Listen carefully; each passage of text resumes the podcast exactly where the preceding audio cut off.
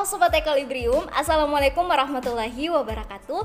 Selamat datang di Epots Equilibrium Podcast. Nah di sini adalah podcast Equilibrium Yang di mana kita akan banyak cuap-cuap tentang hal-hal faedah tentunya Yang mengundang bintang tamu-bintang tamu yang keren-keren. Dan kita akan bahas tentang karya ilmiah, prestasi, dan hal-hal lainnya yang berhubungan dengan mahasiswa.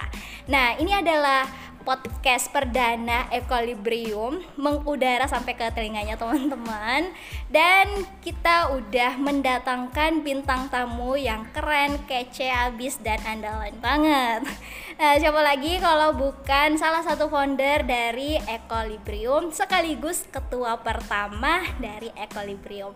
Halo Kak Amin. Hai Rin, apa kabar nih? Alhamdulillah baik. Kak Amin gimana nih kabarnya? Alhamdulillah super baik hari ini. Masya Allah.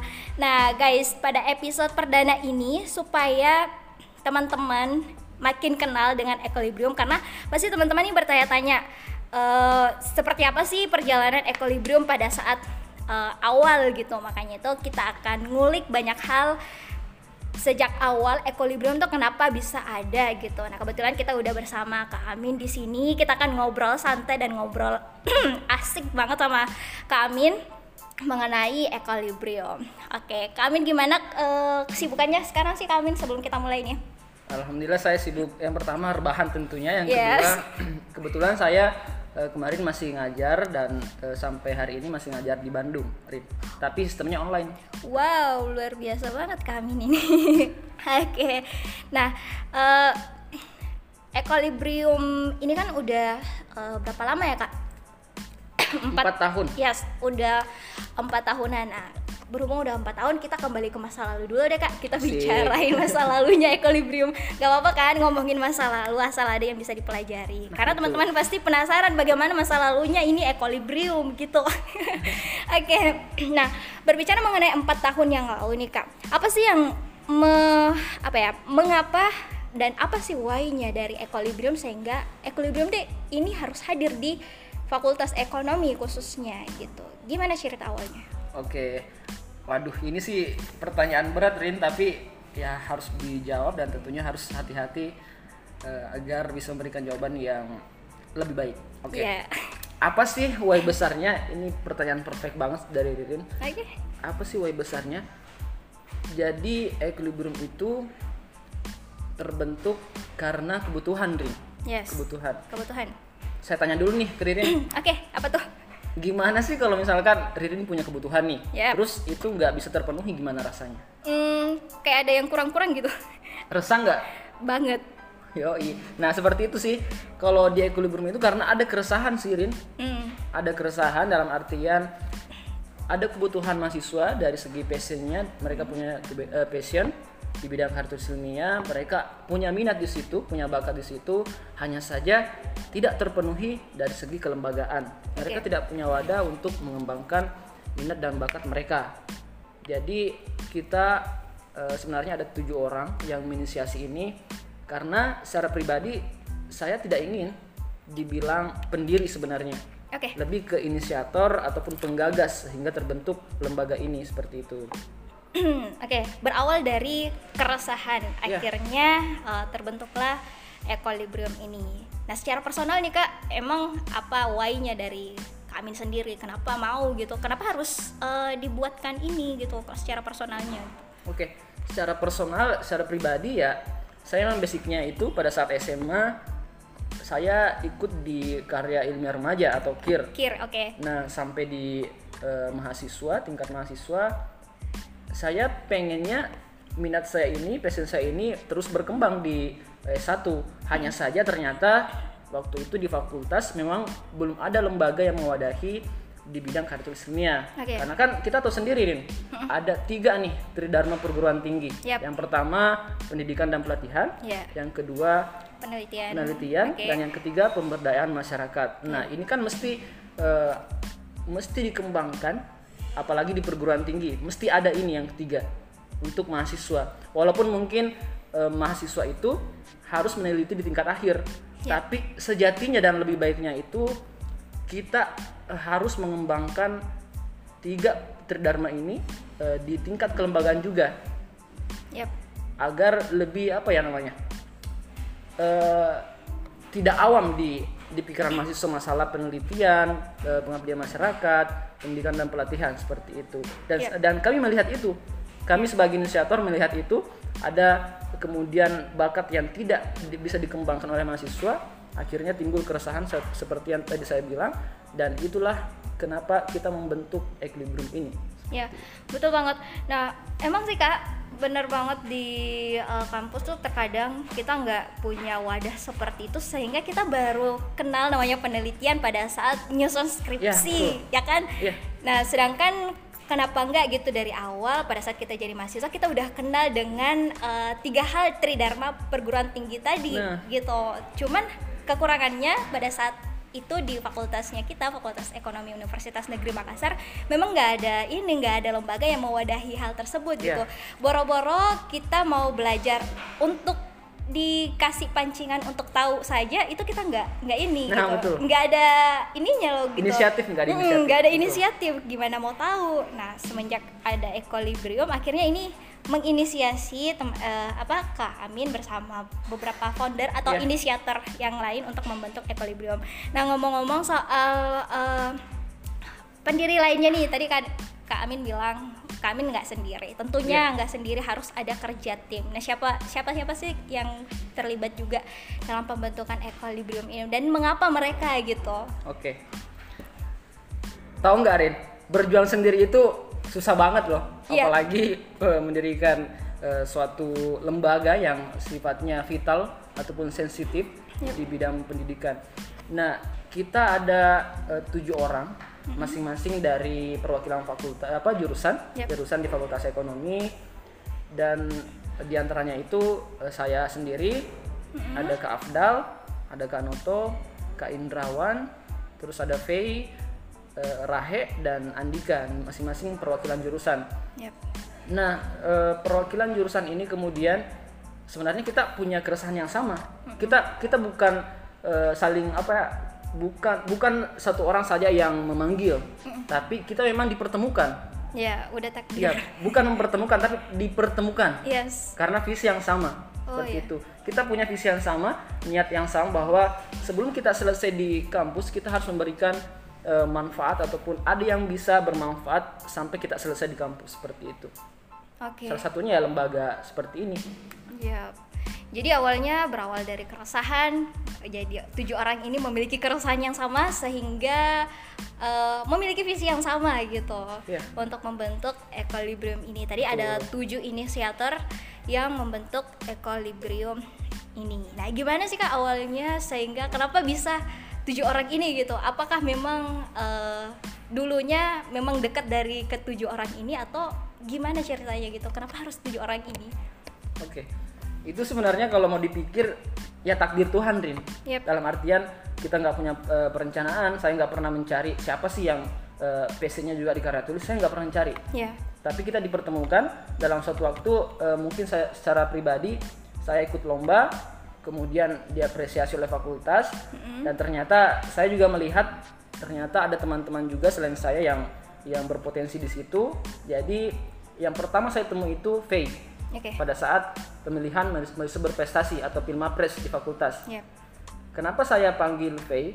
Karena saya pikir beberapa tahun di Fakultas Ekonomi, mulai pada saat saya masuk 2013 sampai 2015 itu eh, sama sekali, mohon maaf, dari tahun 2013 sampai 2014 itu tidak ada sama sekali perekrutan ataupun penyeleksian mahasiswa berprestasi. Ya. Padahal di fakultas lain ada. Ya. Nah, itu kemudian saya panggil V pertama kali dan kita kenal di situ sampai akhirnya kita memutuskan untuk membentuk satu lembaga dan ternyata V punya beberapa eh, kenalan dan eh, di antaranya Kak Afdal, senior kita di Fakultas Ekonomi, ada Kak Anoto dan Kak Indrawan. Nah, Kak Indrawan inilah yang kemudian pertama kali saya eh, belajar dari beliau Oke. karya tulis sampai akhirnya lolos kemudian bertemu Faye dan akhirnya kita bertujuh ini bertemu dan sepakat karena punya visi yang sama dan akhirnya membentuk satu lembaga yang dinamakan Equilibrium seperti itu.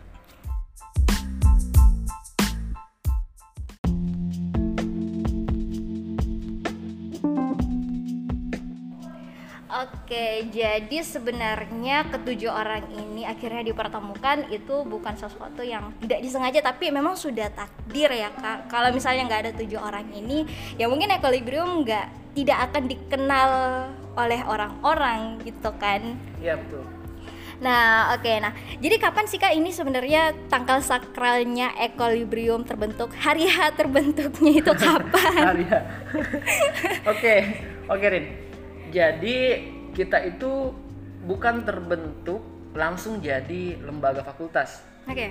tapi kita berbentuk komunitas terlebih dahulu. Oke, yes. Ya, eh, bentuk komunitas dulu itu pada tanggal 17 Januari 2017 Yep. itu tanggal pembentukan jadi komunitas karena kan untuk jadi lembaga fakultas yang resmi atau yang sah itu ada beberapa syarat kan dan mesti kita penuhi makanya kita survive dulu beberapa tahun sampai bisa jadi lembaga yang legal di fakultas Oke, sampai akhirnya eh, sekarang udah jadi lembaga alhamdulillah setelah melalui beberapa eh, musim, beberapa purnama. ini kayaknya penggila apa ya penggemar Korea musim ada musim jadi ada beberapa musim. Oke, jadi awalnya 17 Januari 2017 berarti sekarang sudah empat tahun. tahun Mm-mm. Nah, berarti awalnya itu Kak waktu pertama kali akhirnya sudah terbentuk tujuh orang ini sudah memiliki visi yang sama, sudah Ya. terbentuk equilibrium. Nah, langkah awal pada saat itu apa yang dilakukan? Pada saat masih menjadi komunitas. Oke. Jadi yang pertama itu karena kan kita mesti perkenalan dulu nih, nggak mungkin kita langsung muncul ke permukaan nih Iya. untuk memper- memperkenalkan equilibrium. Jadi kita eh, branding dulu. Oke. Kita brandingnya pakai cara yang eh, milenial lah ceritanya.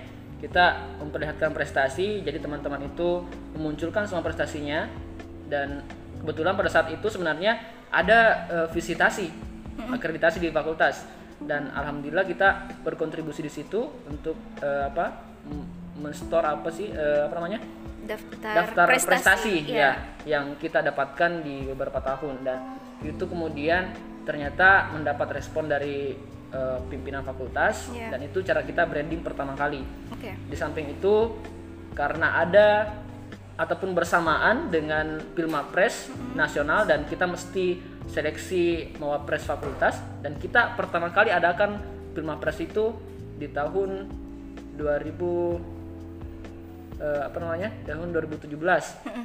Oke. Pilmapres dan itu langkah awal kita itu termasuk di brandingnya setelah itu kita open recruitment rin Oke. rekrutan anggota baru supaya lembaga ini bisa eh, berjalan karena eh, alasannya karena saya sendiri dan teman-teman sebagian sudah mau selesai jadi ketika tidak ada eh, apa generasi baru yang kita rekrut ini kemungkinan besar eh, bakalan vital untuk berjalan seperti itu Oke, iya betul banget. Kebetulan saya generasi pertama. Oh, generasi generasi yang selanjutnya.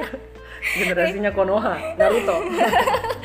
Oke, nah jadi eh, benar-benar harus eh, apa ya yang Kak Amin bilang tadi, memang cara untuk membranding komunitas ini perlu eh, perlu pre- eh, menunjukkan prestasi nyata Iya. gitu. Itu yang pertama, menunjukkan prestasi nyata dari eh, anak-anak equilibrium ini dan kebetulan dari equilibrium ini berkontribusi lumayan lah untuk uh, akreditasi fakultas Iya. sehingga dari situlah berawal kita bisa membangun brandingnya kita gitu.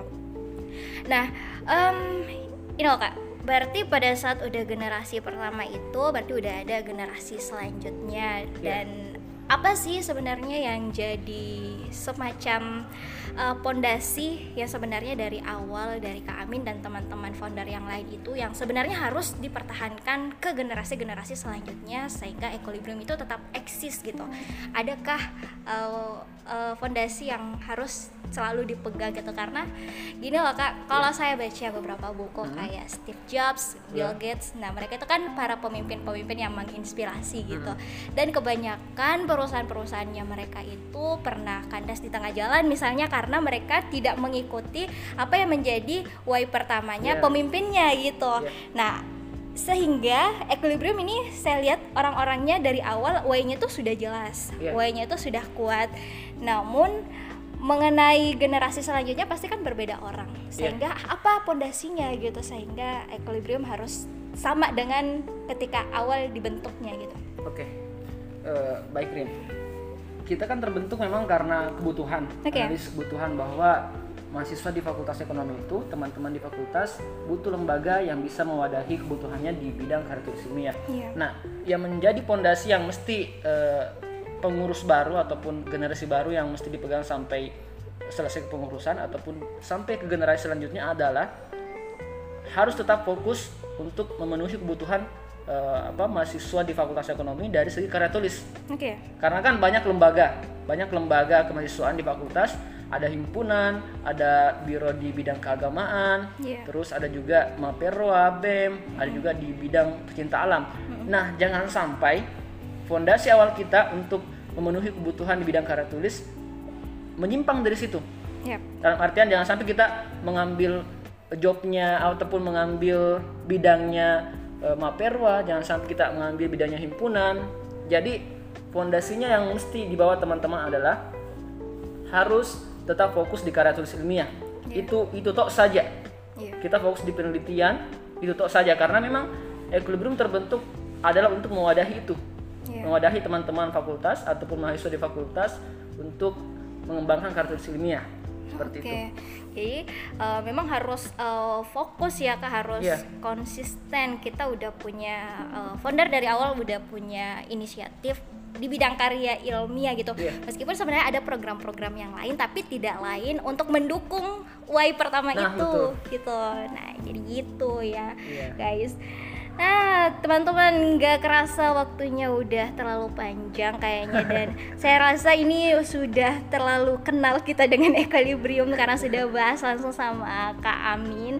Jadi teman-teman udah kenal kan tentang equilibrium. Pun kalau teman-teman mau lebih kenal tentang equilibrium, teman-teman bisa ikuti episode-episode selanjutnya lagi karena kita akan kedatangan bintang tamu yang tentunya memiliki cerita yang eh, berbeda tapi tetap sama tentunya seperti yang dikatakan tadi oleh Kak Amin. Cuman eh, sudut pandangnya mungkin ya kacamatanya mungkin yang eh, berbeda dari setiap founder gitu. Jadi tungguin aja guys untuk episode-episode selanjutnya karena kita akan tetap mendatangkan bintang tamu bintang tamu yang kece-kece abis yang tentunya kalian gak akan rugi untuk mendengarkannya selalu. Oke Terima kasih Kak Amin sudah menyempatkan waktunya untuk datang di Epots Equilibrium Podcast.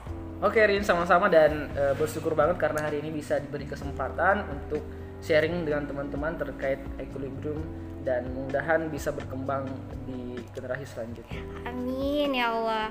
Oke, nah guys, sekian dulu epods episode pertama ini. Semoga teman-teman dapat aha momennya, dapat insight-nya yang full full full full pokoknya. Jadi jangan lupa untuk follow juga Instagramnya Equilibrium dan sosial medianya yang lain untuk mendapatkan update episode selanjutnya lagi karena kalian pasti penasaran episode selanjutnya kita akan bahas apa tentunya lebih seru lagi. Oke, untuk saat ini sekian dulu untuk episode pertama. Sampai jumpa di episode selanjutnya. Saya Ririn, mohon undur diri. Assalamualaikum warahmatullahi wabarakatuh. Makasih Amin. Sama-sama Rin, Waalaikumsalam warahmatullahi wabarakatuh.